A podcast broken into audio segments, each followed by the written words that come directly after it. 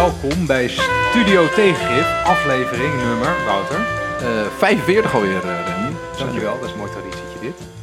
hey, jongens, we gaan het, eh Wiemar, je bent Ja. er ook trouwens. Ik ben er ook. Jullie zijn in mijn huis, hè? mag wel even, ja, hoi. Ja, nou ja, weet je, je probeert de sleur een beetje te breken met eh, dat iedereen even aan het woord komt. Maar ik dacht, Goed eh, gedaan. dankjewel. hey, we gaan het over iets hebben waar we het al heel lang over willen hebben. De toeslagenhel. Precies. Volgens mij is dit een. Ehm, dit was altijd al een goed onderwerp. En dit is een onderwerp wat met iedere week die verstrijkt heter wordt. Ja. Het is deze week eh, domineert het het nieuws. Ehm, want wat is er allemaal gebeurd? Er is compensatie gegeven aan de, eh, de ouders die eigenlijk kapot gemaakt zijn door de Belastingdienst rond het Eindhovense gastouderbureau. Allemaal goedwillende mensen die verdacht werden van fraude. Ehm, wat niet zo was en nu dus eh, volgens de commissie Donner toeslagen eh, of compensatie moeten krijgen. Gaan we het allemaal over hebben. Ehm, hier komt alles een beetje samen. Waar we het ook al vaker over wilden hebben. De ICT van de overheid, Wouter. Ja, leuk. Dat is mijn lievelingsonderwerp. Ja, we moeten dus wel even verklappen dat we hier dus al tijd over willen hebben. Dat vind ik dus wel... We dachten ook ervan, we gaan dit een keer bespreken als het goed uitkomt. Als, het, eh, als, er, als er geen ander onderwerp tussendoor komt. En nu, ja, deze week is wel het moment denk ik De om het over te hebben. ultieme eh, aanleiding. Ja, en we hadden de vraag, hè? De vraag die je aan ons allemaal wilde stellen. Ja, die wilde namelijk... ik net stellen. Wie heeft er wel eens een toeslag terug moeten betalen? Ja, ik. Ik. Ja, ik ook. Ik, eh, ik denk toen ook heel veel luisteraars. Ja. Nou, daar zijn, volgens mij heeft iemand daar cijfers over.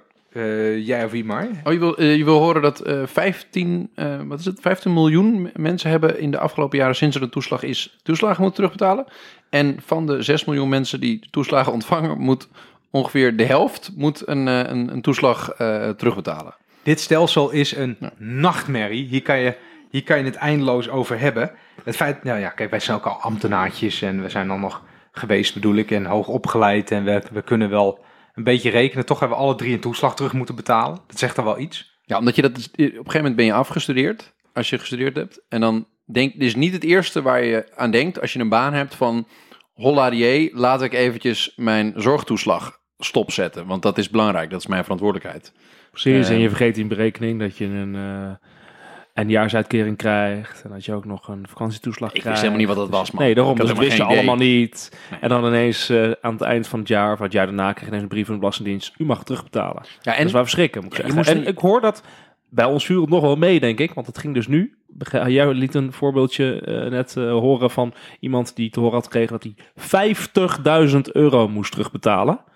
Omdat hij dus beschuldigd werd van frauderen met de kinderopvangtoeslag. Ten onrechte, moet er ook even bij gezegd worden. Jeetje, als dat weer op de mat ligt, dan... Uh, ja, de, de, de, je weet eigenlijk niet waar je moet beginnen met deze, deze soort machine van wantrouwen creatie bij de burger. Ja, we moeten even, we moeten, dit is een gevaarlijk onderwerp.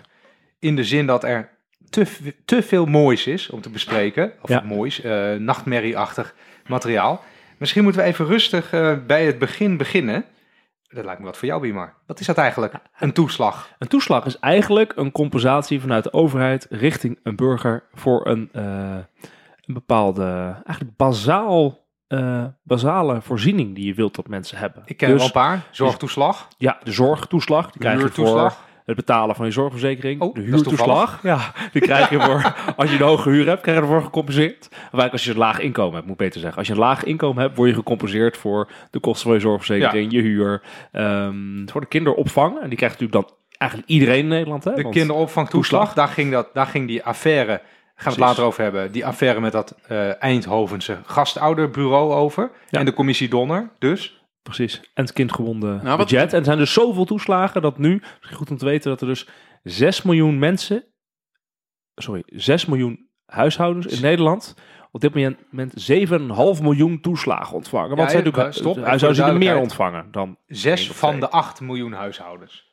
Ja, 6 van de 8 miljoen huishoudens verdienen, krij, uh, uh, krijgen 7,5 miljoen toeslagen ter waarde van ongeveer 15 miljard euro. Dus achter driekwart van onze voordeuren is er iets met toeslagen aan, uh, aan het gebeuren. Maar wat wel interessant is, ik ben een beetje in de geschiedenis gedoken. Misschien mag ik dat uh, even vertellen. Dat, ik vind het altijd wel interessant om te kijken, hoe komt nou, waar begint nou zo'n feest?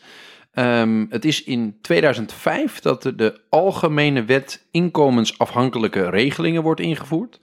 Ehm, en die, die stelt, nou, met allemaal hele complexe juridische termen, dat het wenselijk is dat alle inkomensafhankelijke regelingen, zo op het gebied van wonen, kinderen, zorg, ehm, dat die worden geharmoniseerd.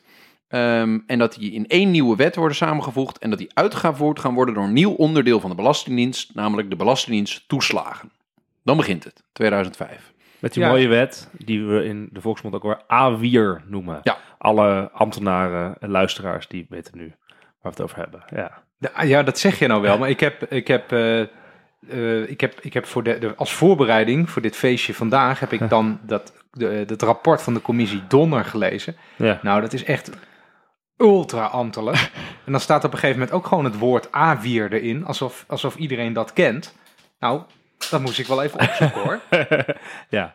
Oké, maar de, de A-wier staat dus voor, Wouter? Algemene Wet Inkomensafhankelijke Regelingen. Ja. Wat nog wel een leuk feitje is, waar, waar je, wat je dus kan, als je een beetje zoekt, eh, eh, achterkomt. Ehm, die Piet Hein Donner, die was minister van Justitie toen dit werd ingevoerd in 2005. Het was toen minister van Financiën was eh, eh, Gerrit Zalm.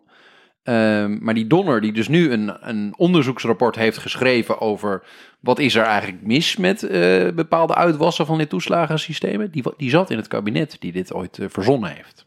Hey, Leuk feitje. Wat, wat is, eh, ja, dat is zeker een mooi feitje. Wat is, de, wat, is de, wat is nou het punt met die toeslagen? Waarom is dit zo'n waarom is dit zo'n stelsel waar zoveel mee misgaat? Ja, waar, waar moeten we beginnen? Ja, we Ehm, beginnen eerst met de uitvoering, Wouter. Want jij hebt het over ICT-problemen en de toeslagen. En dat dit een klassieke voorbeeld is van dat je veel te veel vraagt van ICT-systeem. Ja. En dat moeten we even moeten we inleiden. Dat we, normaal gesproken hebben we het vaak hier over economische onderwerpen. Ehm, maar we hebben eigenlijk veel te weinig over ICT. Ja. Wouter is hier Nee, omdat kenner. ik toch in de minderheid ben, dat jullie met z'n tweeën economische onderwerpen leuk vinden en ik eh, eh, informatiesystemen wel interessant vind, zal ik proberen begrijpelijk te houden. Ehm, wat, wat ik interessant vind aan de vraagstuk rondom toeslagen is dat ehm, het heeft heel veel begrippen in zich die wettelijk vastgelegd wordt, worden, waarvan het eigenlijk vanaf het begin af aan al duidelijk is dat er heel veel verschillende interpretaties van zijn in de maatschappij. Dus denk aan het begrip inkomen per jaar. Eh, bij toeslagen moet je vooraf gaan schatten wat het inkomen is dat jij zult gaan verdienen in een volgend Nee, jaar. niet het inkomen. Je moet een toetsingsinkomen vinden. En dat is dan weer, eh, een, weer iets anders dan wat je normaal gesproken alleen op je loonstrookje ziet. Ja. Dus je moet een hele eigen berekening doen. Wat dus natuurlijk verschrikkelijk ellendig is. En daarnaast moet je dan precies goed weten, inderdaad, natuurlijk je huishoudensituatie. eh, Ja, nee, nee, nee, allemaal, hier kom ik Dus het- je hebt dus een, je hebt verschillende concepten nog eens achter het begrip inkomen. Je hebt Ja, toetsingsinkomen, belastbaar inkomen, jaarinkomen. En zo heb je dus meer concepten. Je hebt het concept gezin. Wat is jouw gezin formeel? Nou, je hebt in Nederland heel veel samengestelde gezinnen. En dus hoe, hoe breek, want wat je gaat krijgen is weer afhankelijk van wat het gezin is. Nou, ook nog Daarom als je vroeger in student thuis had zei, kom, weet je wat, we gaan samen toeslagpartners ja, we, Precies, krijg je meer. Iedereen kent het die ooit gestudeerd Ja. heeft. Toeslagpartner. Eh, partnerschap. Zo van wanneer ben je partner? Fiscaal partner, geregistreerd partner. Dat is ook. En het, het eh, nou ja, kinderen. Dus ook dus heb je kinderen van eh, als je ooit gescheiden bent en weer met iemand anders samen gaat wonen, die heeft dan kinderen. Maar heeft dat invloed op jouw eh, toeslaghoogte? Draagkrachtberekeningen, ehm, migratieachtergronden. Oh. Ehm, ehm, en wat mijn punt eigenlijk is, is dat de belofte aan het begin van het opzetten van zo'n toeslagenstelsel, dus vanaf 2005 en vanaf 2008 zijn ze begonnen met, goh, we moeten hier eigenlijk een soort inzagesysteem voor maken. Dat wordt dan mijn toeslagen, waarbij je online kunt inzien als burger, wat is mijn toeslagensituatie? Eh, dus wat is op dit moment hetgeen de Belastingdienst denkt dat ik verdien, wat mijn gezinssituatie is, wat mijn partnersituatie is, wat mijn geschatte aantal uren kinderopvang eh, En zijn. het moest dus van de grond worden afgebouwd, hè? Want het bestond niet. Van de grond worden opgebouwd, moet ik zeggen. Ja, Eh, er was, was gewoon nog helemaal niks. Dus de- de- wie is er dit gaan doen? Eh, nou, nou, dat is uiteindelijk, dit waren mensen, bij de Belastingdienst moet je goed begrijpen, het is een organisatie die, die is al jarenlang, of van, sinds jaar en dag, heel goed in het uitkeren van poen. Eh, sorry, het innen van poen. Het incasseren van poen. Eh, dus die, die heffen belastingen op, op allerlei eh, gebieden. En toen na 2005, toen dus die A-wier werd bedacht, ehm, moest de Belastingdienst een nieuw onderdeel creëren. Belastingdienst toeslagen. Dus dat noemen ze, in binnen de Belastingdienst noemen ze dat rood. Ja, de rode enveloppen. Ja, Ehm, dus ze gingen niet alleen maar meer eh, geld innen, maar ze gingen ook geld uitkeren. En daar moest een, een club voor gecreëerd worden die goed werd in het uitkeren van eh, toeslagen. Ehm, en daar zijn dus er zijn echt eh, mensen die werden gewoon bij Randstad ingehuurd. Eh, eh, want ze hadden gewoon mensen nodig, omdat als ze sodomiet uit de grond gaan stampen. En daar hoorde dus ook bij dat er allerlei registers uit de grond gestampt werden. Dus er moesten databases komen met allerlei gegevens van gezinnen en mensen en hun inkomenssituatie. En dat moest gekoppeld worden aan allerlei andere registers die we reeds hadden van mensen hun inkomenssituatie. En het idee is toen ge- gecreëerd van we moeten een gedeelde informatiepositie creëren. Dat is een heel eh, eh, complexe term. maar Het idee is dat je dus als burger zelf kunt inzien wat de overheid op ieder moment denkt dat jouw informatiesituatie is. Dus dat is de oorsprong van dat er allemaal van die boxjes en dingetjes zijn waar je moet inloggen, waar je dan moet checken of jouw, of jouw informatie wel Ja. klopt. Nou, de essentie is dat het dus jouw probleem wordt of de overheid de juiste gegevens hanteert bij het vaststellen van wat jouw toeslagen Ja, dus worden. essentie is de zelfredzame burger, die dus alle informatie gebruikt die die kan vinden, namelijk die de Belastingdienst, de dienst toeslagen dan beschikbaar stelt online, dat hij daarin gaat lopen kijken en dat hij dan zijn eigen inkomen aanpast of zijn eigen huishoudsituatie aanpast, zodat uiteindelijk het de burger is die zijn eigen toeslagen regelt en de Belastingdienst er dus geen werk aan zou hebben. Of in ieder geval veel minder Ja. eh, dan bedacht. Dat En klinkt toen- als theorie. Dat klinkt als Ja, theorie. nee, er zitten allemaal, er zitten allemaal mooie fratsen in deze gedachte. Ik, ben, ik heb ooit een, eh, een scriptie geschreven over eh, eh, mijndomeinen bij de overheid. Het heet eh, het digitale mijnenveld. Dat gaat dus over gepersonaliseerde omgevingen. En het onderdeel daarvan ging over mijn toeslagen. Dat is een leuk titeltje trouwens. Ja, ja, ik ben eh, handig met titels, hè, Randy? Eh, Dat moeten we uitleggen. Ja, dat moeten we Dat moeten we uitleggen. Ik kreeg een compliment voor mijn RTL Z-column dat ik zo'n leuke titel had van de redactie. Nou, die heeft Wouter dus verzonnen. Ehm, maar de, in, in die, dat onderzoek van, ehm, over die mijndomeinen bij de overheid, dat heb ik in 2012 of 11 geschreven, 2012. Ehm, eh, ga ik ook in op mijn toeslagen. En wat het, eh, fascinerende is, eh, ik ben toen allemaal interviews gaan houden en ik ben allerlei beleidsdocumenten ge- gedoken om te kijken van wat, wat zijn nou de bedoelingen van die systemen en wat kosten ze en wat zijn de argumentaties. En de Belastingdienst heeft altijd aangevoerd dat dat idee van mijn toeslag, dus een gepersonaliseerde omgeving waar je op moet inloggen, dat dat geld gaat besparen. Want mensen gaan namelijk minder naar het loket en gaan minder bellen. En nu komt het. En nu komt het. er is na de livegang van mijn toeslag is er twee keer zoveel gebeld naar de belastingtelefoon. Mensen vragen. snapten er geen zak van.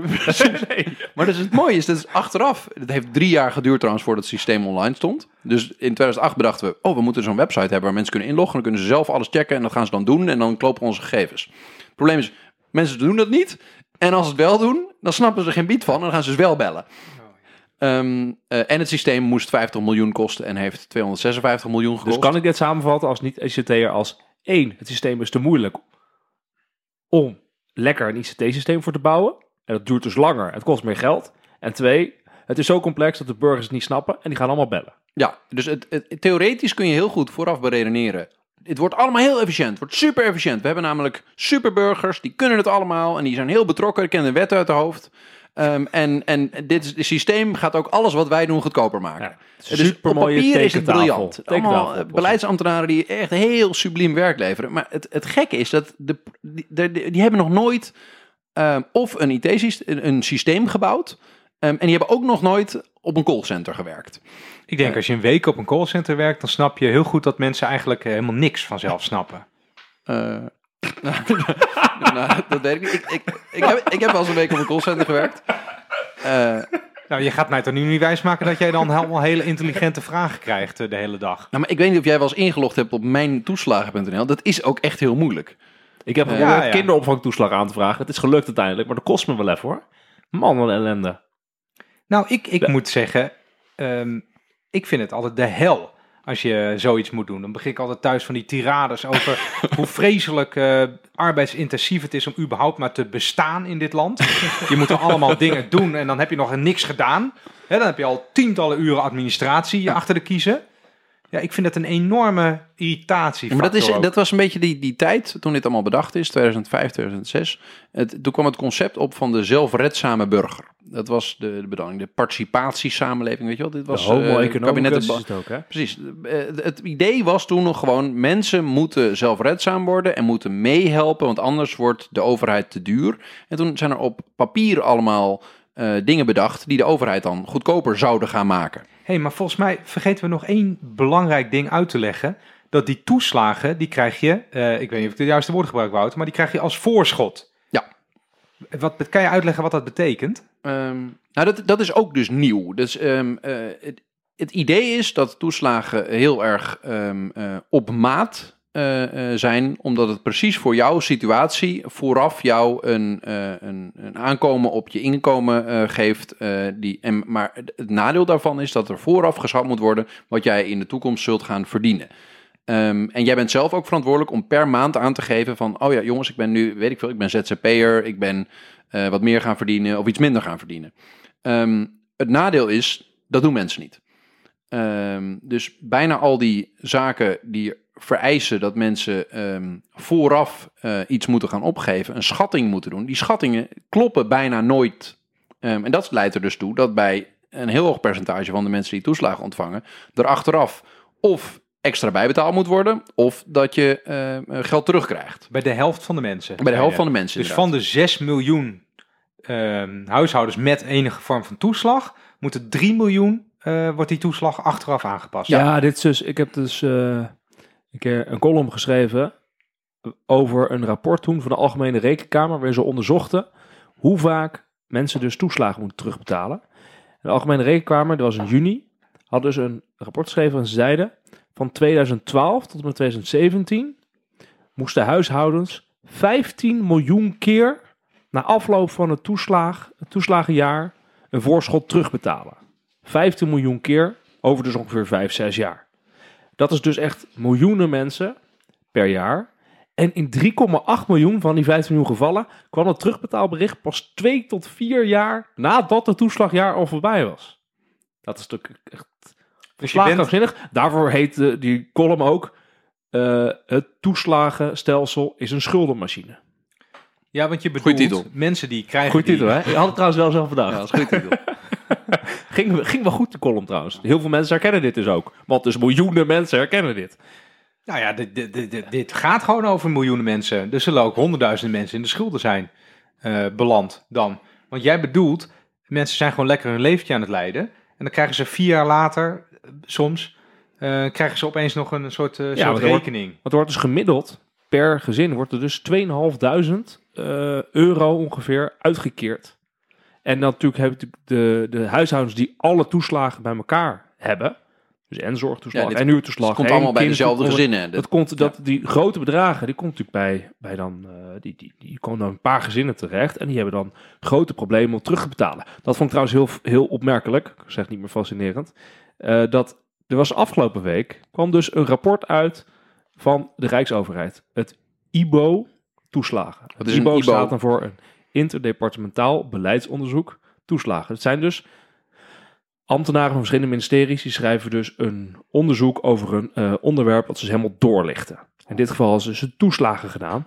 En er stond dus in, ik moet het even zoeken hoor, maar eh, er stond dus in een soort vage zin ehm, dat het misschien wel eens zou kunnen leiden naar tot meer schuldenproblematiek. Het werd Dat- echt helemaal weggeschreven. Misschien wel eens. Dat hadden de ambtenaren al voorzien.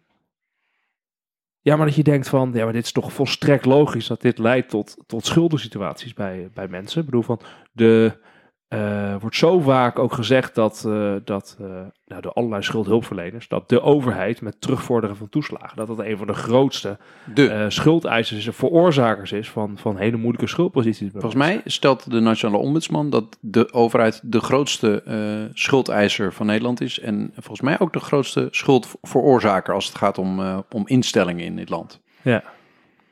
Ehm, maar wat, wat, Randy, misschien mag ik nog wat toevoegen over. Je vroeg naar wat nou die ellende is die hier eh, gecreëerd wordt. Ehm, eh, het, is, het is eigenlijk een soort. Er wordt een situatie gecreëerd met die toeslagen. die voor beleidsambtenaren die graag aan knopjes draaien. ideaal is.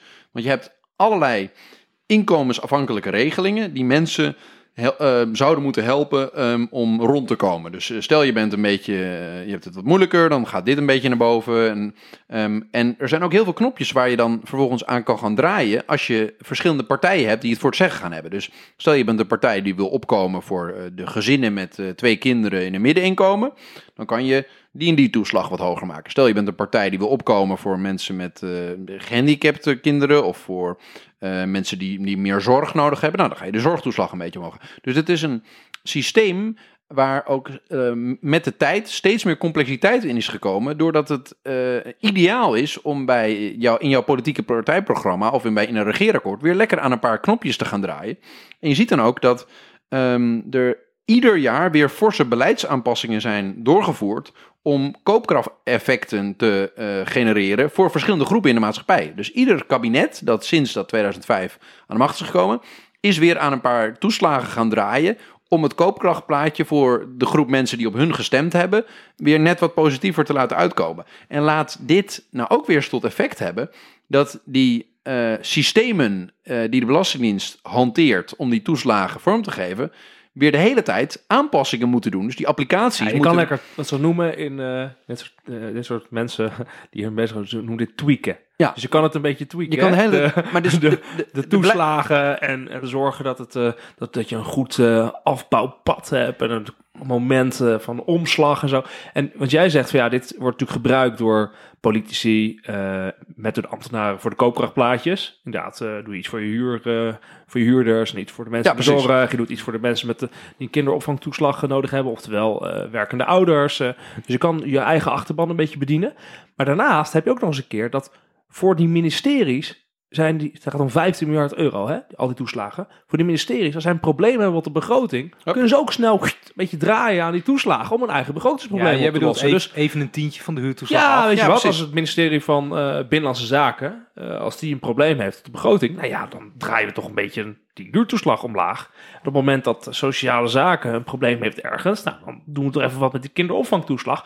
Dus er komt er een soort, eh, in die zijn wel perversiteit in, dat je ze wel vanuit electorale motieven een beetje gaat lopen, eh, lopen klooien met die toeslagen om je koopkrachtplaatjes aan te passen. En ook vanuit begrotingsmotieven ga je ook een beetje lopen tweaken om te zorgen dat je, ja, dat je goed uitkomt. Dus dit, woord, dit, is, dit is voor ambtenaren is dit, eh, ja, dit gewoon leuk. Hè? Die, die, maar het gekke is dat dus langzaamaan doordat de complexiteit van het systeem met het jaar toeneemt, wordt steeds uit het oog verloren. Waarom doen we dit eigenlijk? Waar, waar, wat is hier het doel van? Nou, geef eens antwoord.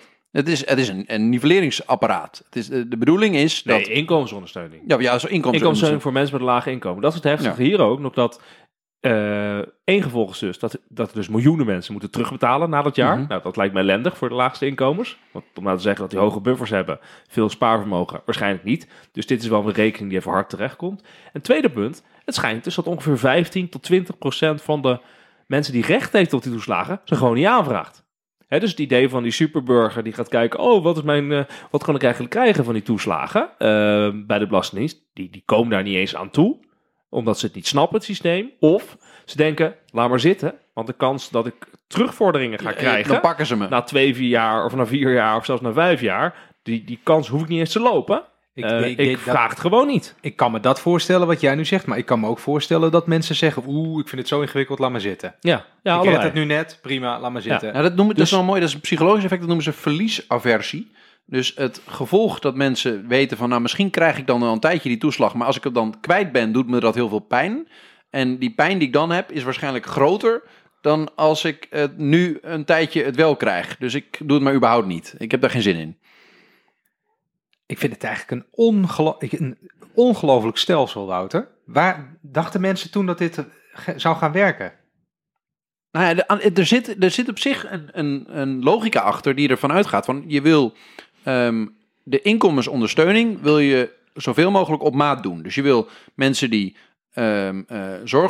ehm zorgverzekering moeten betalen, die wil je ondersteunen zodat ze hun zorgverzekering Mensen die eh, eh, hun huur niet helemaal kunnen betalen, die wil je ondersteunen zodat ze hun huur kunnen betalen. En dat wil je maar- ook eerlijk doen. Nee, nee, laat mij even Ja. Dat wil je eerlijk doen, zodat het eh, de ondersteuning is voor mensen die een iets hogere huur hebben. Die krijgen wat meer, zodat het aansluit op hun inkomen en aansluit op wat ze moeten betalen. En datzelfde geldt bijvoorbeeld voor kinderopvangtoeslag. Dus mensen die krijgen kinderopvangtoeslag, ehm, op maat voor hun inkomenssituatie en het ook voor eh, kindgebonden budget. PGB is ook een, eh, een toeslag. Maar Eh, heel belangrijk hier is dat dus de toeslag krijg je als compensatie omdat je de daadwerkelijke prijs moet betalen van je huur of van je zorgkosten of van je kinderopvang. Dus het idee daarachter is, ja, we willen wel dat burgers de echte prijs zien Ja. van die producten die ze Ja, ze moeten het voelen. Terwijl je ook had kunnen zeggen, weet je wat, we verlagen gewoon die zorgpremie met hartstikke veel. En dan hoeven we geen toeslagen uit te keren, dan heb je al het gezeik. Je had zo'n kunnen zeggen, bureaucratische je kan term ook- voor. Sorry? Dat mensen, dat, dat zei je vooraf. Van, hoe dat Ik kan me mensen niet voorstellen dat ik ergens een bureaucratische term voor eh, gebruik. nee, dat mensen moeten voelen dat, ze- dat, dus, dat zorg duur is. Dat het Ja, geld mensen kost. moeten voelen dat het. Ja, hoe heet dat ook weer? Ja, dat, mensen moeten. Maar, eh, ja, ja, je moet inderdaad de, de prijs. Je moet, je moet het. eh, de, prijs van de zorg. De, De- prijs van de zorg, eh, de kosten van de zorg. Want dan ga je dus kostenbewust moet je zijn. Dat is het. Je moet kostenbewust zijn, want dan ga je natuurlijk de beste afweging maken. Welke zorgverzekering neem ik? Welke huur ga ik eh, willen? Ja. Welke kinderopvang ga ik naartoe? Dus dat kostenbewustzijn is heel belangrijk, want dan gaat de homo economicus gaat dan de meest efficiënte keuze maken. En ik roep dit allemaal, want ik hoop dat Randy straks als kanon erin komt met dit is echt totale onzin. Want ik weet dat Randy er zo over denkt. Ja, ik, ben, ik, ben, ik snap dat dat een beetje mijn rol is hier aan tafel. Maar ik ben, ik ben gewoon, hoe zeg je dat? Ik val Bedoest. Bijna, ik ben een beetje bedoest ervan. Ja, nee, precies. Dat je, ehm, wat ik dus al niet snap, dat je niet gewoon uitgaat van het inkomen van vorig jaar. Zodat er geen twijfel bestaat en dat je altijd eh, al zeker weet wat het inkomen was, eh, op basis waarvan je dan mensen Ja, maar geld gaat ja, overmaken. dat snap ik wel. dat is niet eerlijk, want wat als iemand dan volgend jaar meer gaat verdienen? Dan krijgt hij wel eh, die toeslag nog voor, Of minder. minder kregen. Ja, of minder. dat gebeurt Dan dan. krijgt hij te weinig inkomensondersteuning als hij ineens 10.000 euro minder verdient. Dat is niet eerlijk. Ja, Ja. snap ik heel goed.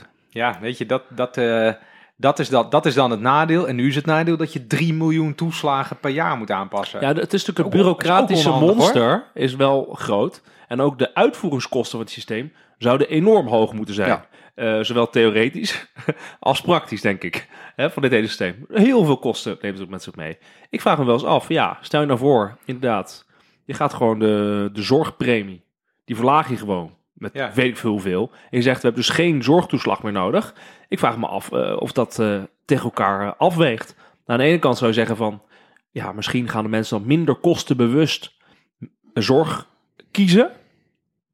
En dat zorgt er dan voor dat je minder, eh, dat je minder eh, winst daar hebt, zeg maar. Dat, er, hè, dat de zorg niet goedkoper wordt. Maar aan de andere kant, je hebt al die uitvoeringskosten, de lasten die je nu hebt met het hele systeem, met het rondpompen en het... En eh, al die mensen bij toeslagen. allemaal bij toeslagen, die mensen boos, alle bellen naar de Belastingdienst, heb je dan ook niet meer. Dus ik vraag me af als je hier een nette afweging maakt. Nou, wat een tussen leuke, die twee doelen, Wat daarin een eh, leuke variabele is die nooit meegenomen wordt, is dat eh, volgens een paar van die onderzoeken, is dat mensen die toeslagen ontvangen, ehm, een ge- zijn gemiddeld per gezin 25 uur per jaar bezig met hun toeslagen. Ik vind het wel interessant wat voor maatschappelijk gedoe of tijd, of misschien zelfs een soort van administratieve lasten, het wel niet kost dat je mensen allemaal opzadelt met 25 uur aan gedonder. Want er is echt niemand die ze voor zo'n lol dingen met toeslagen aan het organiseren is. Ja, Dat wordt niet meegenomen in of die miljoenen berekeningen. mensen per jaar die dingen moeten terugbetalen. Dat levert ook wel wat, eh, wat eh, mentale eh, schade op, zeg maar. Ja, Dus natuurlijk. het- hè. het- het, het is een soort wantrouwensmachine. Mensen in de schulden brengen lijkt ook niet heel- heel goed voor je, voor, je, voor je welvaart en welzijn. Klinkt inderdaad niet goed voor je welvaart. Even heel makkelijk, Wouter. Als jij zegt eh, per huishouden zijn ze 25 uur kwijt. Eh, en je hebt 6 miljoen huishoudens. En laten we zeggen dat, het, dat mensen dan een tientje per uur Randy kan rekenen hoor. Ja. Anderhalf kan miljard rekenen. is dat Ja. al. Kijk, maar dit, dit is natuurlijk een soort gek boekhouderstrucje. Nee, maar Ehm, wat ik bedoel, eh, de overheid probeert bepaalde taakjes af te wentelen op burgers. Ja, omdat ja. dat een kostenbesparing Want dan hoeft u minder belasting te betalen. Want Ja. dan laat het u gewoon zelf Ja. doen. Maar uiteindelijk ben je gewoon zelf eh, eh, een, werkweek Ja, eh, kwijt. de kostenbatenanalyse lijkt hier niet helemaal lekker gemaakt te zijn. Dat is eigenlijk het punt, toch? Maar wat, wat dus... maar de- en nou, misschien waar we nog niet helemaal aan gekomen zijn met onze eh, beschrijving van de ellende, is ehm, eh, een belangrijk punt dat we moeten noemen, is die Bulgare fraude. Ja, die dan, oh ja, we, gaan zijn- nu. We hebben ja. nu. wel, dit is misschien. We hebben, we we, zijn ingedeeld. beetje, we zijn een beetje ingekomen in... eh, We hebben nu het algemene toeslagenstelsel en al zijn problemen, omdat er geen superburgers bestaan, uitgelegd. ja, de, en omdat de burger economicus is. bestaat Dus dat, precies. En nu gaan we uitleggen waarom het helemaal uit de hand liep. En dat kwam door de Bulgare fraude in 2013. Ja, zal ik, zal ik dat even eh, vertellen en vul me aan? Hoe zat het ook alweer? de Bulgarenfraude, er waren, en dit is, je moet je voorstellen, dit stelsel, dit draaide lekker, hè. Het was allemaal eh, kut volgens de, volgens de manier waarop we net beschreven, maar het draaide wel, hè. De overheid eh, keerde toeslagen uit en eh, nou, dat werd, dat werd allemaal gecorrigeerd achteraf. Maar toen kwamen bendes Oost-Europeanen uit Bulgarije erachter, hey, weet je wat we doen? We halen mensen uit Bulgarije, die rijden we dan met de bus naar Rotterdam. Die schrijven we daarin bij de gemeente. Die krijgen dan allerlei toeslagen vooraf uitbetaald op basis van de informatie die wij dan Die we uit onze verzinnen. duim zuigen. Ja. Dan, dan geven we die Bulgaren, die drukken we dan 1000 euro in de hand en die, eh, die, hè, die, die zetten we weer terug op de bus naar, naar Bulgarije. En zo werden er voor honderden, of nou ja, voor duizenden mensen, werden er toeslagen aangevraagd. En op een gegeven moment kwam dat natuurlijk naar voren, dat, eh, dat eh, de, toes- de, de Belastingdienst gewoon ge- massief geld lekte eh, naar mensen die gewoon niet eens in Nederland eh, bestonden. Spookburgers. Ja, daar in Oost-Europa lachten ze zich echt eh, helemaal kapot van. eh, die, die Hollanders, die, die betalen dus op basis van wat jij opgeeft, dat je verdient, geven ze je geld. Knettergek, zou je wel Die kunnen zeggen. Ja. die Nederlanders zijn gek, laten we daarheen gaan met de bus. Eh, Heeft iemand nog scherp hoeveel geld hier... eh, Nee, miljoenen en miljoenen. niet dat niet precies. Maar wat, wat, wat, wat eigenlijk het interessante hieraan is, is wat dit tot effect heeft, die, die Bulgaren vrouw. Nou, dat heeft effect. Er is een eh, staatssecretaris, eh, Wekers, heeft moeten aftreden en zo. Dat heeft heel veel nou media. iedereen, als je nu, er is zelfs een Wikipedia-pagina over Bulgarenfraude. Ehm, maar dit heeft een heel pervers effect gehad. Dat er ehm, bij de Belastingdienst, die dus die toeslagen uitvoert, ehm, een soort van reflex is ontstaan dat men keihard is gaan optreden tegen alles wat maar ruikt naar fraude met toeslagen. Daar vroeg de Kamer om, hè? De Ja, Kamer, de Kamer zei, wil dan maatregelen. mag allemaal niet. Ongelooflijk. Die, Ja. die, die buitenlanders gaan er met ons toeslagen vandoor. Dit mag allemaal niet. Moet opgetreden worden. Wekers. Hoe heeft het kunnen gebeuren? Ja, ik heb het ook even opgezocht net. 140 miljoen was er uitgekeerd. Oké, En de- ik, ik, kijk, je moet ook dat is wel niks hè, begrijpen... vergelijk met wat we aan die IT-systemen kwijt zijn. Dat is een Nee, als je, dat, dat, daar verdwergt ieder bedrag Ja. bij, wat de overheid aan IT eh, verpist. Maar dat is natuurlijk ook een gekmakende gedachte. Dat Ja. er allemaal Bulgaren 100%. even een weekje in Rotterdam zijn geweest. En Nou, dit zijn eh, waren, het zelfs niet die mensen die in die bussen zaten die hier echt van profiteerden. Het waren bendes die mensen hierheen transporteerden om zich in te schrijven. Die eh, het grootste gedeelte van dit geld opstreken. En die mensen die kregen dan een schijntje daarvan. En die mochten weer terug met de bus naar... eh, Het zijn wel bedragen, zeg 140 miljoen, ongelooflijk. Ja, ik, ik zit er nog even na te zoeken, want ik wist dat eh Nieuwsuur er ook over bericht had dat op dit moment dus, dus de Belastingdienst nog 100, nee, 806 miljoen euro aan toeslaggeld is gewoon al afgeschreven. Dat gaan we nooit meer terugkrijgen, zegt de, de Belastingdienst. En nog 1,5 miljard staat aan terugvordering uit. is dat open. Het zit open. En dat afgeschreven, dat zijn mensen die zijn toch uiteindelijk in de schuldsanering. Of die zijn verdwenen. Ja, die krijgen we nooit meer terug. Dus blijkbaar. Overleden in de Zoiets, tussentijd. zoiets. Ik weet niet wat er allemaal gebeurd is. Maar dit is, Maar, dit maar het zijn dus eh, honderden miljoenen, miljarden. eh, en die 140 eh, miljoen van de Bulgaren, die, dat was dus een voorbeeld daarvan. En toen ging Ja. dus inderdaad de Kamer ging, eh, ging los.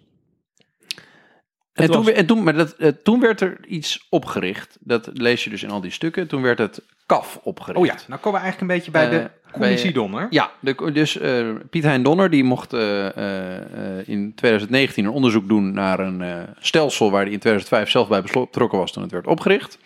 Ja, maar Eh, dat zeg je nou wel de hele tijd, hè? Maar hoe, zei- zo, hoe zelf bij betrokken? Je bedoelt, hij zat in het kabinet. Ja, dat is, dat is natuurlijk waar. Hij zal niet direct. eh, ehm, eh, maar ik denk dat.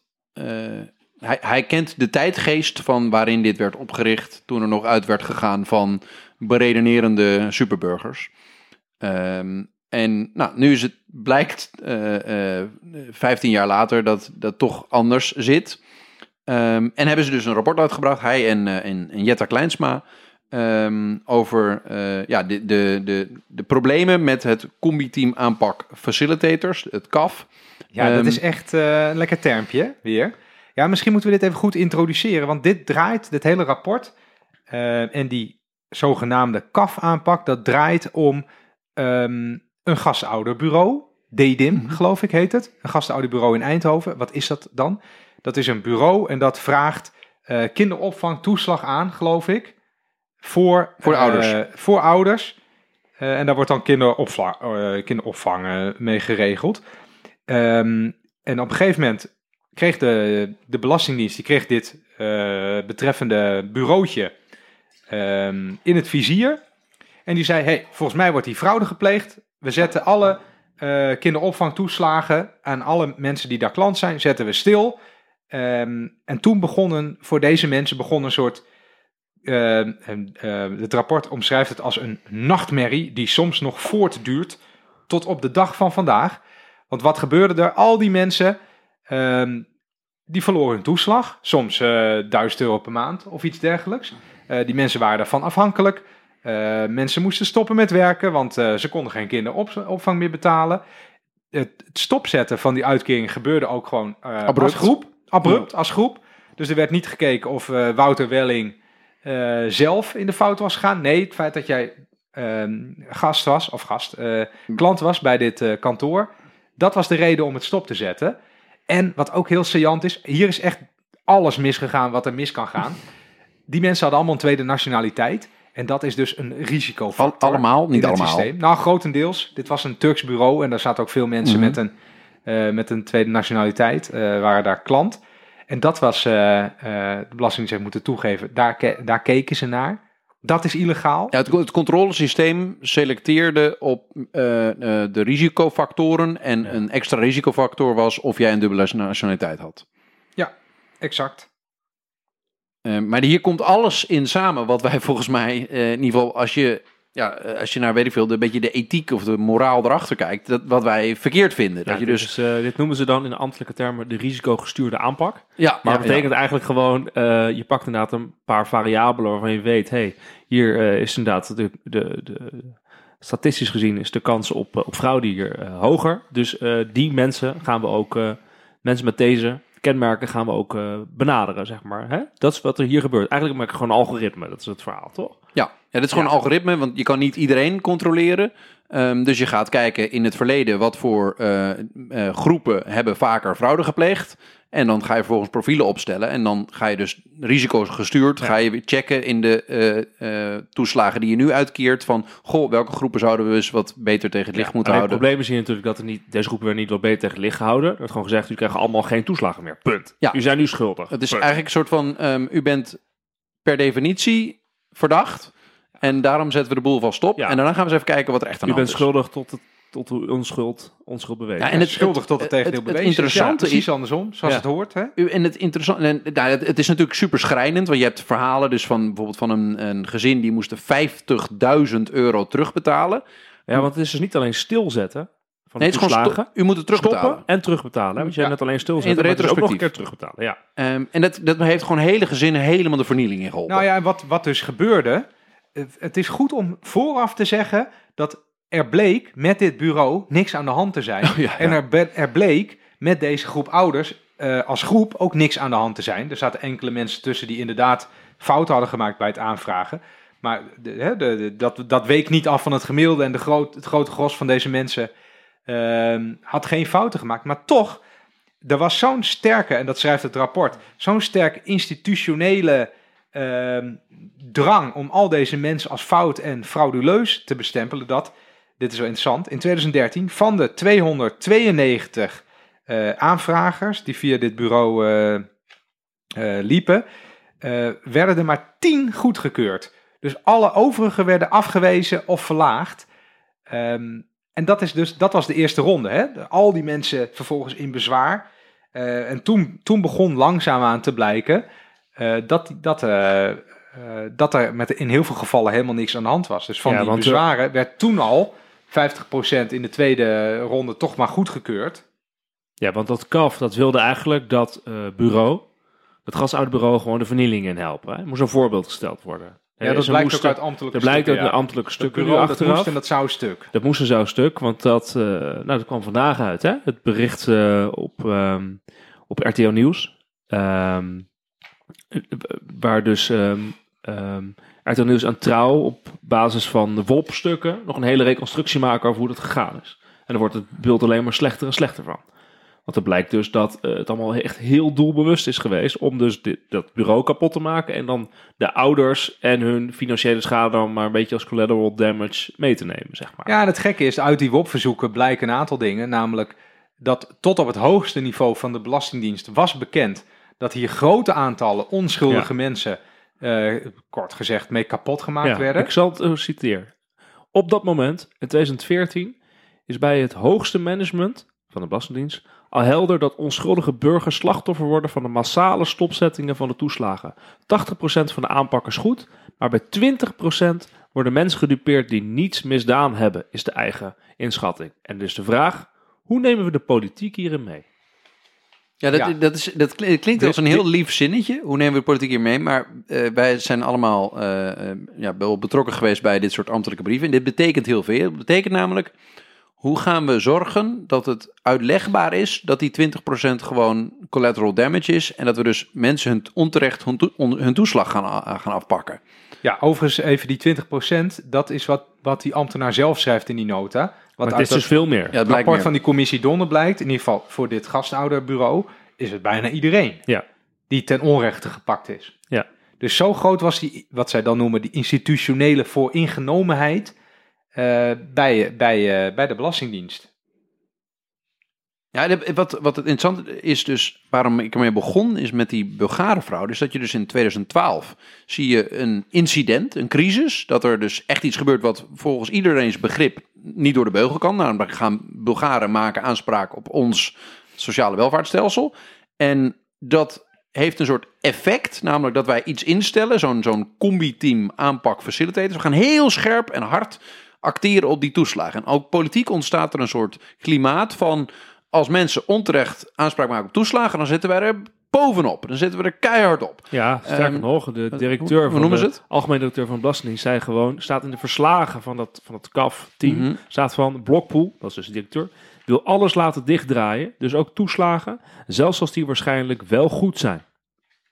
Dus dat betekent dat ze gewoon willens en wetens door de top van de Belastingdienst is gezegd, ja, we gaan, eh, we gaan voor, de, voor, de, voor de schade. Hè? We, gaan, eh, de, de, we gaan gewoon alles stopzetten en eh, jullie komen het maar terughalen, eh, ouders. Je gaat maar in, eh, in hoger beroep. Ja, ik vind dat, weet je, dat dit, dit is eigenlijk een beetje raar, hè?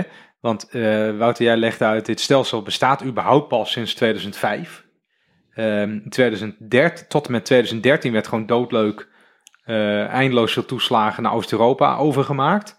Zonder, zonder wezenlijke controle schijnbaar. En dan in 2014 gooien ze het roer zo radicaal om, dat ze dan willens en wetens massaal onschuldige mensen hun eh, toeslag gaan afpakken. Nou, ik heb hier wel een, een, een theorietje over. Het, het is, ehm, eh, dit is eigenlijk een beetje de, de banaliteit van de bureaucratie. En dat komt erop neer dat ehm, op politiek niveau in de Tweede Kamer of op de, wordt er, is er een crisis, een incident. En dan slaat eigenlijk de, de, de, de groepsgedachte slaat om. Van eh, dit systeem is goed en dit is oké. slaat die om naar we moeten hier hard acteren. En dan ontstaat er in de top van zo'n ambtelijke organisatie van de Belastingdienst ontstaat het idee van we moeten hard zijn, we moeten eh, hard eh, krachtdadig zijn, we moeten krachtig acteren en hard optreden. En er zitten natuurlijk heel veel lagen tussen de mensen die die mensen met die toeslagen aan de telefoon hebben, die bellen van jongens, dit kan je Ja. niet maken. Ik heb, ik heb het heel netjes gedaan, checkt u maar. En de mensen die ehm, er- ergens in de top van die organisatie zitten. Bij de Belastingdienst werken eh 28.000 mensen. Dus heel, er zitten heel veel laagjes tussen. Dus aan de top ontsta- eh, ontstaat een soort groepsgevoel van... jongens, we hebben een missie, dat is namelijk zorgen dat de toeslagen... ehm, eerlijk worden uitgekeerd en alleen mensen die die ontvangen die er recht op hebben. En als er iemand fraude pleegt, dan treden wij keihard op. Wij zijn een krachtige organisatie. Nou, dat wordt het mantra aan de top. Maar de signalen die van beneden komen, van die mensen die... eh, Van de eh, uitvoerders. bellen of aan het, aan het Ja. loket staan van... jongens, die, u, ik, kan, me- ik kan mijn huur niet meer betalen eh, en mijn gezin gaat naar de ellende. Ehm, die signalen die gaan veel langzamer weer naar boven. Dus het, de signalen van ellende uit de maatschappij die naar boven moeten druppelen... die gaan veel langzamer dan de signalen van jongens krachtig controleren... die van boven naar beneden sijpelen. Dus dan- zo on, on- De verandert... kans is natuurlijk heel aannemelijk. En eh, misschien doe ik nu, misschien is niet waar ik nu zeg, maar eh, dat zowel eh, de DG Belastingdienst als de algemeen directeur Belastingdienst, dat die natuurlijk nog nooit daadwerkelijk zo'n burger aan de lijn hebben gehad, of gewoon een gesprek één op één hebben gevoerd, die dus eh, van wie dus alles gewoon stopgezet werd van de een op de andere dag. Nou, dat, dat durf ik niet te zeggen. Ik geloof dat dat werkelijk waarschijnlijk ook gewoon integere mensen zijn die hun werk goed willen doen. Maar dat je wel in een soort systeem terecht kan komen waarin wat, je, wat, wat we Nou, nu wat zien zegt, als iets mafs... jij zegt van het, het, de, zeg maar de, de mensen bovenin. Dat is heel dus die bedenken van dit, dit gaan we doen. Ja, we gaan het zo aanpakken. worden. En de mensen helemaal onderin de organisatie die het volgens mij uitvoeren. jongens, dit is niet Het oké. verschil zit, is zo groot voordat Ja. de signalen volgens doorgaan. Sterker nog, er wordt hier een verhaal eh, verteld in de stukken van, eh, van RTL eh, Nieuws en van eh, Trouw dat er een klokkenluider was. En die klokkenluider die met dat verhaal komt, dit gaat nu helemaal fout en er onschuldige mensen zijn nu Die moet weg. Die wordt, eh, die, wordt uit, die wordt gezocht in de, in de Belastingdienst. Van ja, wie, wie is dat? Ja, Eh, die, ook moet eruit. gevonden. eh, Gevonden, en die is op non-actief gesteld met het oogpunt hem te ontslaan. Dit is overigens nog, dat moeten we het ook nog even over hebben, van wat betekent dit nou voor politieke verantwoordelijkheid? Want nu zit daar Ja, staatssecretaris Menno Snel, maar deze ellende die nu, hoe zeg je dat, helemaal losbarst, die is al ontstaan Ja. onder eh, staatssecretaris hier, Wiebes. hier hebben we het wel eens eerder over Ja. gehad. We hebben het wel eens eerder gehad over alle addertjes onder het gras wanneer je eenmaal bewindspersoon wordt. Dat je dus, dit- je wordt dan opeens, ben je ministerieel verantwoordelijk. En dan zitten er waarschijnlijk nog allemaal dingetjes op jouw departement onder jouw verantwoordelijkheid. Waarvan je denkt, ja, hoezo komen ze hier opeens weer mee aanzetten? Nou, je zou kunnen zeggen dat dit, dat dit heel wat gaat betekenen voor wat wij verstaan onder ministeriële verantwoordelijkheid, in dit geval van de staatssecretaris. Want ehm, we hebben het over die 300 ehm, ouders via dat bureau, maar dit is het topje van de ijsberg, moeten we erbij zeggen. Ja, Snel heeft, nog, eh, heeft nu voor 9000 andere gezinnen ehm, gezegd van jullie krijgen de kinderopvangtoeslag wel. Want ik weet niet zeker dat het terecht stopgezet is. Hè? Ja, dus, er- Dus dus, laten we dus ervan 300 uitgaan plus 9000 en waarschijnlijk is het nog veel meer. dat Veel er, meer dat er honderden, dan de, en, en veel meer waarschijnlijk duizenden, misschien tienduizenden levens ehm, kapot gemaakt zijn, dan wel ernstig eh, benadeeld zijn eh, door, eh, door het handelen van de Belastingdienst. Als dat geen. En de Belastingdienst heeft daarbij een klokkenluider ontslagen, heeft daarbij de wet overtreden, heeft daarbij eh, tegen de Kamer gelogen, heeft daarbij, dat hebben we nog niet, eh, nog niet genoemd, eh, eigenlijk schriftelijke fraude gepleegd Ja. door bij WOP-verzoeken stukken aan te passen zonder dat zichtbaar was dat er iets weggelakt was. Hè, dat is gewoon valsheid in geschriften. Eh, dat is overtreding van de wet eh, WOP, eh hoe heet die ook alweer? De wet openbaarheid bestuur. Er is eigenlijk is alles misgegaan wat mis kan gaan.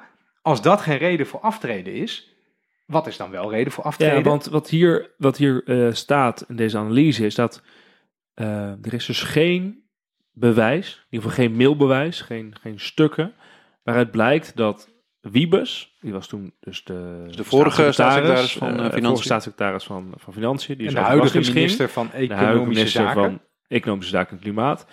Eh, er is geen bewijs dat hij hiervan wist. Alleen wat ze weten is dat maandenlang staat als actiepunt op de agenda dat de DG Belastingdienst, Peter Veld, dit moet bespreken met Wiebes. Dus de 80-20 regel en de s- schade. Ja, ja. Uit de me- documenten blijkt dat Wiebes voorafgaand aan een Kamerdebat wel werd geïnformeerd over, tussen eh, streepjes, werkwijze en resultaten van het opstreden KAF-team. Dus, dit, dit is Mondeling ook, dus. dit is- ja, mondeling. Dus er wordt ook, er is wel over nagedacht, laat maar even zo zeggen. Wat sturen we eh, qua documenten en qua mails richting de winstpersonen en wat doen we mondeling? Maar weet je, dat is.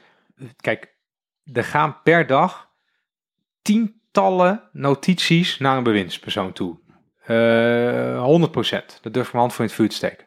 En dit extreem belangrijke dossier, dat moest per se mondeling gedaan worden. Nou, dan weet je toch al dat je fout zit. Hè, Dat- dat is, dit is waarom ze bij de maffia ook geen notities aan elkaar schrijven. Je wilt het, eh, dat die altijd matige notulen, inderdaad. Nee. Eh, maar nee, eh, ja, het is. Het is ehm, ik, ik vind het heel moeilijk om te zeggen dat hier daadwerkelijk kwade intenties waren, omdat ik. Ik heb, ik, de gemiddelde ambtenaar geloof ik werkelijk van dat is iemand die bij de overheid werkt omdat hij goed wil doen voor de maatschappij. Maar er kan in organisaties een soort cultuur ontstaan, een soort groepsgevoel van dit is nu ons doel en daar moeten we heel hard aan Maar wat werken. erg is, want je weet 100% zeker dat er in, dit, in al die jaren, dat er binnen de Belastingdienst echt mensen zijn geweest die hebben gezegd, dit kan niet. Eh, je bent hier de wet aan het overtreden. Dit is, eh, je bent hier gezinslevens aan het verwoesten. Eh, je bent hier echt stappen aan het nemen. Die mag je als overheid niet zeggen. Dit gaat veel te veel te ver. Dit is machtsmisbruik. Nou, maar dat, eh, Dat hebben mensen zeker gezegd. Niet alleen die ene klokkenluider. Ze Nee, vaker zal het op tafel Dat besproken blijkt, hebben. ook, dat blijkt ook uit dat rapport Donner. Dat is in 2013 begonnen en al in 2014 ehm, wordt, wordt voor het eerst aantoonbaar dat intern is gezegd: Hallo jongens, we overtreden hiermee de wet. Ja. Dit, eh, dit kan niet, dit is illegaal. En toch heeft het dan Maar dat, tot dat, dat nu is eigenlijk vergelijkbaar met die de signalen. Jongens, dit is altijd een soort weegschaal van... eh, uit die organisatie komen signalen, uit de maatschappij komen signalen... en er zijn op het, de politieke en ambtelijke top komen er signalen binnen. En die, die hebben het, dat werkt gewoon zo, die hebben het meeste te schaffen... met wat er in de Tweede Kamer aan, aan sentiment leeft. Dus de ambtelijke top en de politieke top... die houden zich, eh, de, dus de bewindspersoon, die staatssecretaris van eh, Financiën... verantwoordelijk voor de Belastingdienst... die houdt zich het meest bezig met wat is er volgende week op de agenda in de Tweede Kamer. Waar gaan ze mij eh, mee fileren? Wat, welk gesprek zal ik daar moeten voeren? En ehm, als daar het sentiment is, jongens, we moeten keihard optreden tegen mensen die fraude plegen. We moeten heel scherp zijn en loeihard controleren. En als je dat controleren goed doet, dan ben je lekker bezig. Dus dat is het sentiment aan, aan de top. Dan is het heel moeilijk om die signalen van individuele medewerkers die gevallen zien, dus individuele gevallen, in plaats ten opzichte van het algemene beeld van we zijn hard on crime als het ware, Ja. of hard on Ja. Ehm, eh, dat is een heel moeilijk eh, beeld om te counteren met anekdotisch bewijs van ehm, jongens, ik heb hier iemand en ik heb hier nog iemand en, en dit is misschien niet helemaal oké. Eh, dat kan je altijd als, als top wegwuiven met het argument. Nee, ja, prima. In dat geval eh, vergeten we even. Het is een eh, Ja, precies uitzondering. wat jij zegt. Het is een anekdote, het is Ja. een uitzondering. Deze past toevallig niet in een hokje, wat vervelend. Heeft daardoor een probleem. Dus daardoor wordt heel lang, wordt eigenlijk eh, dit probleem niet gezien. Eigenlijk een soort tunnelvisie, toch? Want dat is wat er dan aan de hand is. Ja. En dat, dat snap ik ook nog allemaal wel. Dus oké, tuurlijk duurt het lang. Hè, je, vervelende signalen ga je eerst zowel vanuit de politiek als vanuit de ambtenarij ga je proberen te weg te drukken, want dat is, komt niet uit, die signalen. Volgens denk je ook nog, ja, het is één geval, twee gevallen, drie gevallen, ongelukje kan gebeuren. Het is geen structureel eh, probleem. Volgens komen we erachter, oh shit, het is wel een probleem. En wat er dan gaat gebeuren, en dat vind ik ook dat is zo tekenend, dat ergens komt erachter, dit wordt, is wel een probleem. En je hebt het idee van, hé, die kinderopvangtoeslag en het is toch onrechtmatig stopgezet. En dan komen er nog meer signalen dat er nog meer van dit soort situaties zijn. En dan komt er dus bij de staatssecretaris een brief op zijn bureau, of een memo op zijn bureau, waar september 2018 wordt snel intern al gewezen op een andere zaak waarin hetzelfde speelde en waarschuwden ambtenaren hem voor precedentwerking als hij zou gaan toegeven. Dat is ook precies wat, dat is altijd wat er gebeurt, hè? Op het moment dat je Ah, je ja. beleid dus gaat aanpassen, dan geef je eigenlijk toe, ik ben fout geweest. Ja, en dat bedoelt- betekent dat je dus eh, vatbaar wordt of eh, voor dus allerlei eh, juridische procedures, claims. Eh, maar dat betekent dus dat je de portemonnee moet gaan trekken als, als bewindpersoon en dus ook als kabinet. Dus dan wordt er altijd gezegd, pas op, precedentwerking. Op het moment dat je hiermee doorgaat, je gaat toegeven dat je fout zit, oeh, dan heb je een probleem. Ja, want jij bedoelt als we met deze 300 mensen nu gaan toegeven... Wat nu Nee, dan? en nog meer, hè? Dus op het moment dat je zegt van, hé, hey, eh, ja, precies, we gaan met de drie, 300 Ja, mensen... maar het zijn er geen eh, 300, het zijn er eigenlijk 9000. Ja, dan En kom je misschien zijn het er achter. nog wel een factor meer. Hey, nu kom je er ook een beetje achter ehm, hoe, hoe lang het dan duurt voordat de pendule van de ene kant Ja. naar de andere kant slingert. Want Ja. in 2013 zeiden we, die Bulgare fraude, was het nog van, oh shit, we moeten veel, veel strenger worden. Ja. Ja, maar geen fraude. En, en je weet ook dat dat natuurlijk ook al lang bekend was. In de Ja. zin, de uitvoering van de Belastingdienst, die mensen die bij toeslagen werkten, die hadden natuurlijk al lang door dat ze geld aan het weggeven waren aan mensen waarvan ze eigenlijk dachten, klopt dit allemaal wel? Ik kan het niet controleren. Maar ja, dit systeem wordt ingevuld en alle vinkjes kloppen. Dan moet ik het nu uitkeren. Eh, maar het kan best wel zijn dat hier gefraudeerd wordt. En die signalen zijn natuurlijk heel vaak naar boven gegaan. En dan komt er een zo'n groot schandaal als die Bulgare fraude, 140 miljoen. En dan ineens zeggen we, het kan niet anders jongen, we Ja. draaien heel het schip Nee, om. maar dat, Dat dat, hetzelfde eh, als wat er dan nu in 2018, 19 hier aan het gebeuren is. Dat, dat zouden we eigenlijk even dan moeten terugzoeken. Maar ik kan me herinneren dat eh, met die Bulgare fraude, het sentiment daarvoor was juist dat het allemaal veel te lang duurde Ja. voordat die toeslagen werden uitgekeerd. En dat toen het politieke sentiment was, nee, die toeslagen moeten gewoon uitgekeerd worden, want mensen zijn daarvan afhankelijk. Ja. Toen gebeurde die Bulgare fraude, toen ging de pendule weer de andere kant op. En nu zitten we weer aan het andere uiterste, namelijk, ja, er worden allemaal mensen kapot gemaakt, want Ja. eh, er worden toeslagen Dus je gaat van beleidsparadigma naar beleidsparadigma naar beleidsparadigma. Pas op, we gaan nu bestuurskundig worden. Eh, nou, ik vind het ook getuigen van een soort eh, eh, heel onvolwassen stelsel. Want we, we roepen in Nederland zo heel vaak van, oh, wat zijn onze ambtenaren toch goed? Nou, individueel zijn ze allemaal super. Eh, maar als, eh, als stelsel kan je toch moeilijk zeggen dat dit zo geweldig functioneert. Want we rennen steeds van het, van het ene uiterste naar het andere uiterste. Nou, ik, wat, waar het mij in mijn ogen een groot Ah. voorbeeld van is, is dat je een ehm, met bepaalde intenties eh, een stelsel optuigt en dat er steeds een soort van knoopjes gelegd worden als er kleine scheurtjes ontstaan. Van Ja. er is iets, nou, dan moeten we een klein beetje bijwerken, moeten we een beetje beleidsregeltje een beetje aanpassen. Moeten we en uiteindelijk kom je op een situatie dat er een, iets is ontstaan waar eigenlijk niemand meer echt trots op is. Dat is volgens mij met dit toeslagenstelsel aan de hand. Er zijn weinig mensen die, die, het, die zeggen, nou, ik kan wel eens uitleggen waarom dit echt ideaal is wat we hier in Nederland hebben. Ehm, het is, er zijn zoveel groepjes die onderweg blij gemaakt eh, moesten worden, of, of bepaalde sentimenten moesten even bevredigd worden, of bepaalde eh, risico's moesten afgedekt worden. Ehm, en daardoor kom je eigenlijk met een soort, ja, een soort bureaucratische, soort fatale staat, die de hele tijd weer knoopje legt, knoopje legt, knoopje legt, en steeds complexer wordt. En niemand wil de verantwoordelijkheid nemen op het politieke niveau van, jongens, ik ga het roer omgooien. Want ja, wie, wat, wat, wat valt er nou electoraal te winnen aan zeggen dat je het toeslagenstelsel gaat veranderen? Helemaal niks. Dat is, dat is geen, geen gave boodschap of zo. Ja, Ehm, ik denk ook dat er is wat meer aan de hand is. Want jij zegt, ja, eh, ambtenaren, niveau is niet eh, hoog, gaat er helemaal niet zo goed als eh, wat, wat we allemaal tegen elkaar zeggen. Maar ik denk het is meer wat Wouter zegt, het is een soort psychologisch proces. Die, die ambtenaren zijn ook geen superburgers. Hè? Die bouwen ook gewoon zo goed mogelijk een systeem. Komen erachter dat ze fouten maken. Oh, dan moet ook nog een keer het hele schip gedraaid worden. Ja, oké, dat gaat ook niet helemaal lekker. Dus ik, ik, ik zou niet Nou zeggen ja. dat dit een... Ja, dit is gewoon... Hier gebeurt ook iets, een, een, een, een, inderdaad een psychologisch proces. Nee, maar dit is, dit, is, dit is misschien ook het gevolg van het zo snel rondroeleren van mensen. Wat niet alleen in ambtenarij gebeurt, maar overal. Eh, dat, dat de mensen die dit bedacht hebben, die werken nu allemaal ergens anders. Ehm, Je bedoelt- mogen we weer eens klagen op de 357? Moet je even Wat is dat? 357 Wat is dat? Het, topambtenaren zitten op een plekje normaal eh, of drie jaar, dan zit je eigenlijk tekort. Eh vijf jaar, dan moet je eens rond gaan kijken. Of zeven jaar, dan moet je echt door. Dus het idee dat, dat manager zijn eigenlijk een specifiek beroep is. En dat je daar goed in kunt zijn.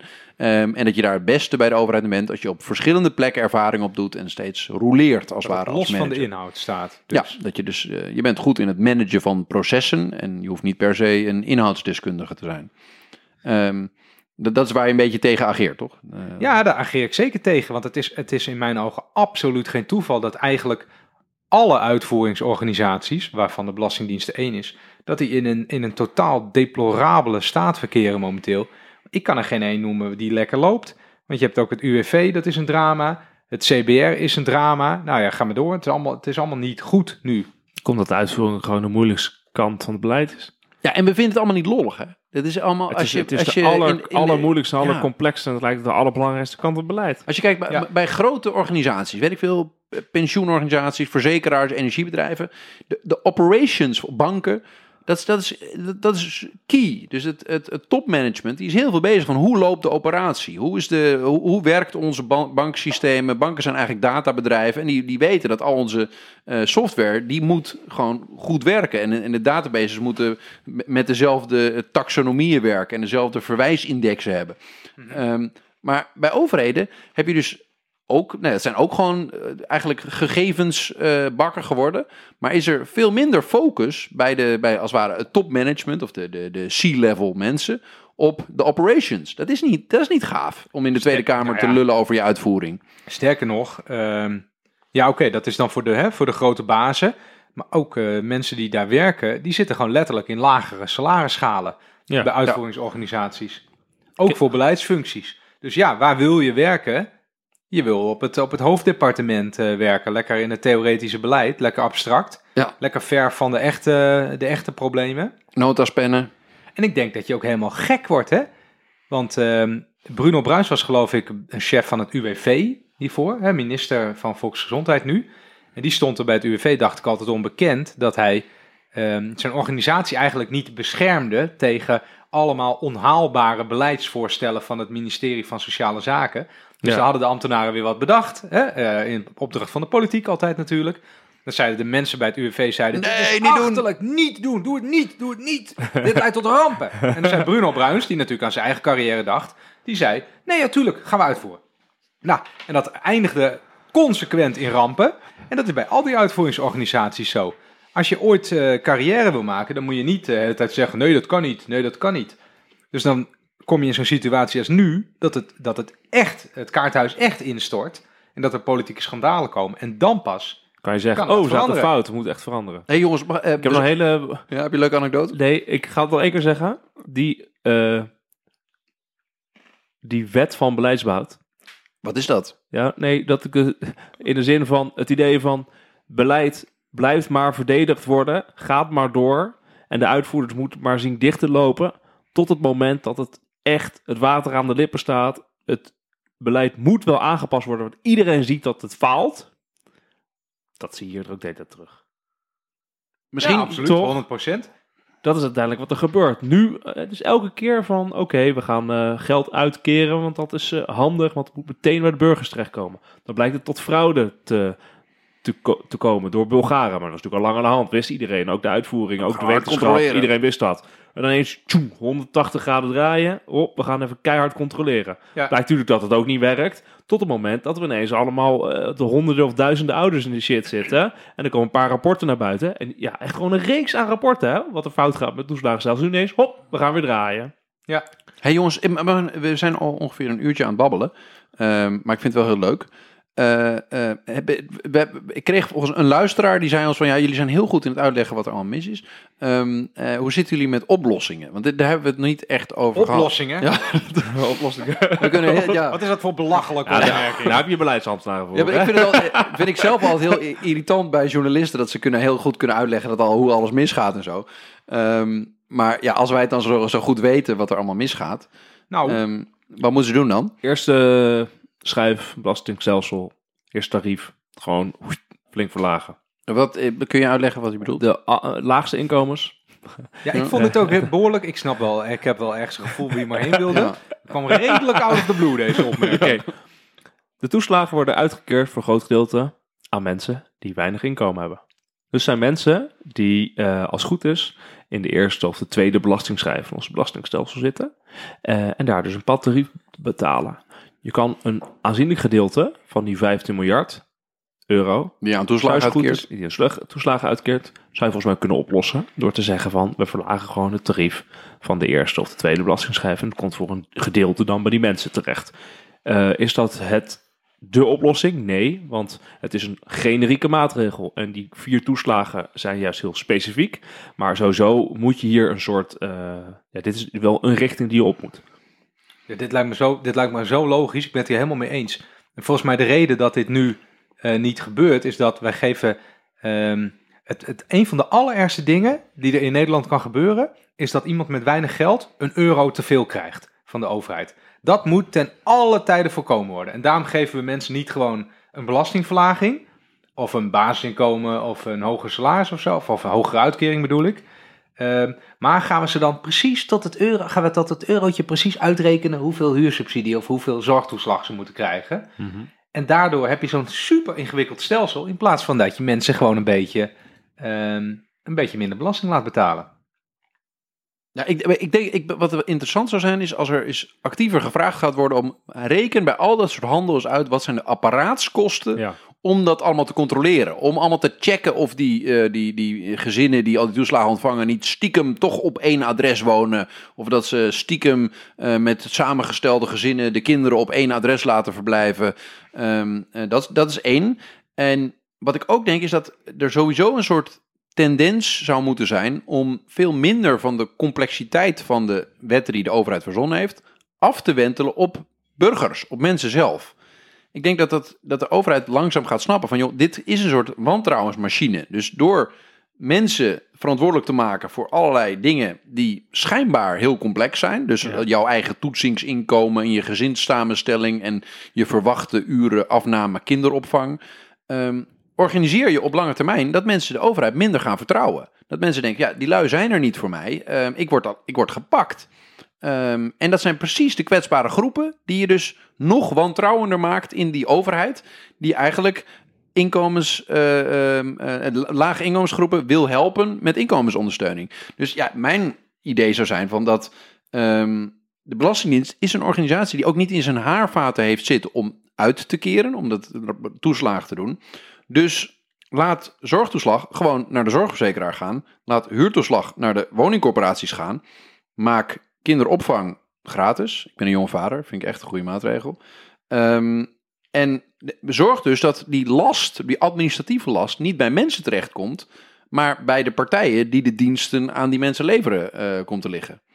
Lijkt me heel logisch. En het enige tegenargument is dat ehm, mensen dan niet precies voelen wat de gehele kosten zijn Kostenbewustzijn. Ehm, maar dat is bij zorg sowieso al niet het geval. En dat is bij woning- eh, of volkshuisvesting ook sowieso al niet het val- geval als het gaat om sociale woningbouw. Dus het, het is een beetje een soort geconstrueerd argument dat, dat mensen dat per se zouden moeten voelen. Nou, is, ja, men is bang, volgens mij, dat dit soort publieke diensten, dat er te veel van geconsumeerd wordt. Dat is wel een beetje een vreemd woord hiervoor natuurlijk. Ik denk dat je daar helemaal niet zo bang voor hoeft te zijn, vooral ook met zorg en zo. Ehm, mensen kunnen natuurlijk wel vaker naar de huisarts gaan en zo, en dat soort dingen. Maar dat, dat is dan weer bijvoorbeeld Het enige... meer, mensen gaan niet meer wonen. Nee, ze gaan niet meer wonen of ze gaan niet vaker eh, hun benen breken, Ja, omdat dat vergoed wordt. Extra kinderen maken, omdat ze lekker meer kinderopvangtoeslag kunnen krijgen. dat is echt, die prikkels, dat is, dat is allemaal geconstrueerd. En ehm, daar ook nog eens, bijvoorbeeld nu wordt eh, tussen de 15 en 20 procent van al die toeslagen wordt niet uitgekeerd door de overheid. Dus mensen nou, vinden het systeem te ingewikkeld of weten gewoon niet dat, ze er recht op hebben. Ehm, ja, ik denk dat je ook wel een soort van eh, eerlijkheidsvraag kunt stellen. Van, is het de bedoeling dat wij dingen waar mensen recht op hebben niet uitkeren als maatschappij? Het is toch de bedoeling dat, we, dat het een soort van sociaal zekerheidsstelsel is, niet een soort sociaal onzekerheidsstelsel. De bedoeling is dat ehm, we eerlijk uitkeren waar mensen recht op hebben. En als we vinden dat mensen er geen recht op hebben, prima, dan moet je de regels aanpassen. Maar dan moet niet zo moeilijk maken dat mensen er niet uitkomen. Maar dit klinkt allemaal wel, hoe zeg je dat, lekker simpel. Maar dit is ook een, eh een giga-stelselwijziging. Dat, gaat, dat loopt nou ook niet echt lekker. Nee, dat, dus tijd. ik denk dat heel veel ehm, ja, de partijen, politici, ambtenaren denken: ja, joh, het zal mijn tijd wel duren. Ik ga, de, eh, ik ga deze verbouwing niet beginnen. Deze verbouwing, eh, dat, daar gaan eh, stenen op mijn hoofd vallen. Daar heb ik geen zin in.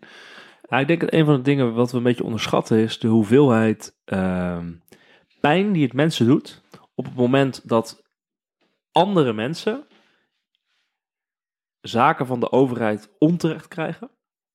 Ja. Dus mensen zijn bereid om een systeem op te tuigen wat heel veel geld kost en zelfs normale mensen raakt, om maar te zorgen dat fraudeurs aangepakt worden. Dat Ja. vinden mensen heel, heel, heel belangrijk. Echt heel belangrijk. Dus ze bereid heel veel voor te betalen. En vinden ook dat de maatschappij misschien wel iets meer moet betalen. Ja, en ook En zelf tweede- risico's voor te lopen, Ja, blijkbaar. je- zeker. En ook zelf risico voor te lopen. En het tweede punt is, mensen vinden het verschrikkelijk. eh, veel mensen in Nederland vinden het verschrikkelijk op het moment dat anderen iets gratis krijgen waar zij voor moeten betalen. Dus zeg maar, eh, als je nu zegt een gratis zorgverzekering, een gratis kinderopvang, eh, dan, dan zijn er toch heel veel, heel veel mensen tegen. Dat, dat, dat willen mensen niet. Vandaar dat dit soort door- ja, fraude, systemen en eh, getweakte dingen eigenlijk, hè? heel specifieke toeslagen op, eh, opzetten, omdat mensen dat, eh, dat allebei niet, eh, niet willen. Ze haten fraude en ze haten, ha Nee, maar te haten gratis eh, Zit daar niet dan juist de opvatting in? Hè? Dat, vanuit dezelfde filosofie dat ook de koningin, eh, of prinses Beatrix bedoel ik, AOW krijgt. ja. Iedereen krijgt dat gewoon. Geen ingewikkeld gedoe Ja. met je moet minder dan zoveel vermogen hebben of bla bla bla. Iedereen.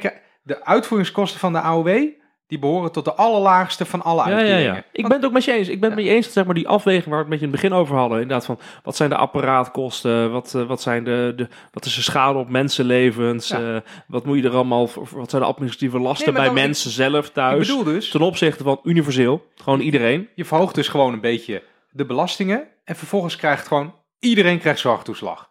Iedereen krijgt woontoeslag. Iedereen krijgt gratis kinderopvang. Punt, klaar. Maar ik denk ook, Heel simpel. als je hier die Geen administratieve lasten uit weglaat, ben ik nog heel benieuwd hoeveel dit extra kost.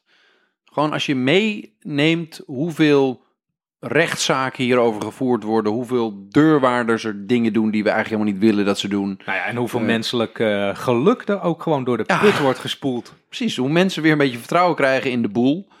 Ehm, eh, dat heeft waarde die moeilijk uit te drukken is in belastingopbrengst of overheidsuitgaven.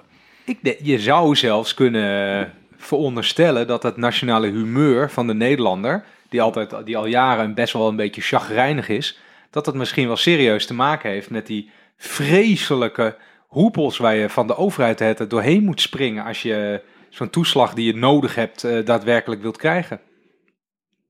Ja, het mooie is, soms dan eh, krijg ik wel eens van vrienden die wat, eh, laten zeggen, wat, wat conservatiever zijn dan ik. Het verwijt dat progressieve mensen altijd zorgen voor, voor zo'n complexe overheid, omdat ze eerlijk willen zijn voor iedereen. Eh, maar in dit geval ben ik daar helemaal niet zo'n voorstand van. Ik geloof werkelijk dat, het, dat mensen recht hebben op een ja, zo simpel mogelijke eh, overheid. Daarom vind ik dat voorbeeld van jou van de AOW heel, heel mooi. Het gewoon, helderheid is ook heel veel waard. Dat je snapt waar je aan toe bent en dat je ja, eh, in je, le- je leven kunt inrichten op een voorspelbaar handelende overheid. Ja, ik vind dit een stichtelijk eindwoord, Wouter. Sowieso eh, kreeg ik de tip van een luisteraar dat, dat Wiemar en ik, die zeiken dan heel veel. En jij bent een soort positieve eh, noot altijd. En jij moet het eindwoord doen. Waarom, waarom, zei ik? Nee, dat vind, ik vind Dat deze wel- luisteraar die, eh, Ik vind moet dat, vooral ik in een review schrijven. zeikt eigenlijk. Dat is wel waar. Dat is wel waar. Ja. Ja. Je was nu wel, ja, ik, het- ik had het gevoel dat je soms een beetje terneergeslagen was, omdat het echt zo'n puinzooi was. Nou, mag ik Ja. even? Ik vind Ja. het zo'n schande. Even terug. Over die... Nee, even- ik, zeik ik. Mag Nee, ik nee, even? nee. Ik vind het zo'n Over schande. Dit, dit, dit toeslagen. Dit toeslagendossier en al die kinderopvangtoeslagen, dat dat, dat dat stopgezet wordt, gewoon, dat is zo enorm, enorm grove schande. Dat heb ik nog niet vaak meegemaakt in Nederland, wat hier allemaal gebeurt. Nee. Ehm, gewoon duidelijk dat je weet, mensen zijn onschuldig en je maakt gewoon levens kapot. Je bent eh, bewijs aan het eh, vervalsen. Eh, je bent klokkenluiders aan het opjagen. Je bent de Kamer niet volledig aan het informeren. Dat is natuurlijk wel wat hier allemaal gebeurt. Dat is natuurlijk één groot ambtelijk en, en politiek falen. En dat is van grote, grote proporties. Ik snap heel goed dat mensen gewoon heel het vertrouwen in de overheid verliezen hierdoor. Ehm, en ik vind wel Nou. dat je hier echt een... ehm, Kamerleden als, eh, volgens mij is Pieter Omzicht en eh, Renske Leijten. Pieter Omzicht, Renske Leijten. Die moeten echt hier wel een groot compliment voor krijgen Een lintje. een lintje voor de, voor de vasthoudendheid om dit eh, aan de kaak eh, te blijven stellen. En ook, eh, hoe heet die, de, de RTL-journalist, Klein, Peter Klein. Peter Klein. Klein. Pieter Klein. Die is natuurlijk ook wel, die, die, die, ik vind het Nou ja, geweldig die- hoe hij dat doet. En laten we niet vergeten, dit begon allemaal met een rapport van de Nationale Ombudsman. Dat vinden we dan allemaal heel normaal dat dat soort instituten maar dit soort rapporten schrijven. Daar begon het allemaal mee. Dat verdient ook een groot compliment voor het uitzoekwerk. Ja, in die zin is het natuurlijk wel eh, ook wel weer een beetje mooi, als we positief moeten eindigen. Het is mooi wat hier gebeurt.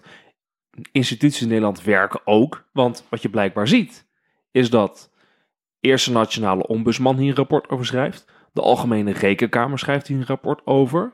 De, ehm, het CPB schrijft over toeslagen, allerlei rapporten. Vervolgens ook nog een keer een interdepartementaal beleidsonderzoek toeslagen van de ambtenaren, die hier ook kritisch over gaat schrijven. Dat bedoel, er is wel een soort eh, reinigend vermogen, blijkbaar binnen eh, onze politiek-ambtelijke instituties. Nou, dat vind ik toch heel knap dat je nog met een soort positieve noot eindigt. Want ik had juist een heel depressief, een heel depressief gevoel bij wat je net zei. Wat ik, wat ik hier echt... Ik heb dus dat rapport vanmiddag gelezen. Ehm, ik werd er daadwerkelijk echt een beetje verdrietig van. En wat ik dus echt schokkend vind, is dat ehm, er met zoveel overtuiging gelogen wordt. Door hoge ambtenaren en politici tegenover de buitenwereld. En, en wat ik daarbij echt diep triest vind, is dat bij eh, de Belastingdienst zitten ze dus in de ene kamer. Zitten ze eh, mensen met lage inkomens moedwillig kapot te maken. En in een kamer ernaast zitten ze heel diep na te denken over hoe ze Starbucks en Google zo min mogelijk belasting kunnen laten betalen hier. En dat is van een scheefheid, daar kan ik met mijn hoofd gewoon niet bij. En blijkbaar is het binnen zo'n organisatie allemaal heel logisch, want dat is precies wat er gebeurt. Ik ben heel benieuwd ehm, of er mensen luisteren die wat meer weten van fiscale inrichtingen, die misschien een review zouden willen schrijven of een reactie. Meld je dan. eh, zou iedereen die bij de Belastingdienst eh, werkt het aanraden om dat niet te doen. ik, ik ben, joh, maar ik bedenk me nu opeens, straks dan staan we opeens op het, het intranet van de Belastingdienst. Want moet je deze drie eikels horen? Ik, eh, ja, nou dan merken we het allemaal weer. Ja, ik bedoel, ik ga graag in gesprek met iedereen en zo. Bla, bla. Oh ja. Ik vind het wel leuk hoor. Randy en Wimmer zijn in te huren voor praatjes. Zeker, je mag me niet. altijd benaderen, ook naar columns en zo. Mag wel. Randy ook trouwens. Je mag Randy ook benaderen naar columns. Wilt hij graag. Oh, ja. Ehm, Niemand snapt waar dit over gaat. hey, we moeten zo afronden, jongens. Eh, En dat blijft zo. Ja. Lieve luisteraars, schrijf gerust in iTunes of welke podcast app je maar gebruikt een review. Vinden we heel leuk. Of geef eh, veel sterren als de geluidskwaliteit goed is. En eh, eh, bedankt, toch? Voor het luisteren. Ja, dankjewel als je het volgehouden hebt.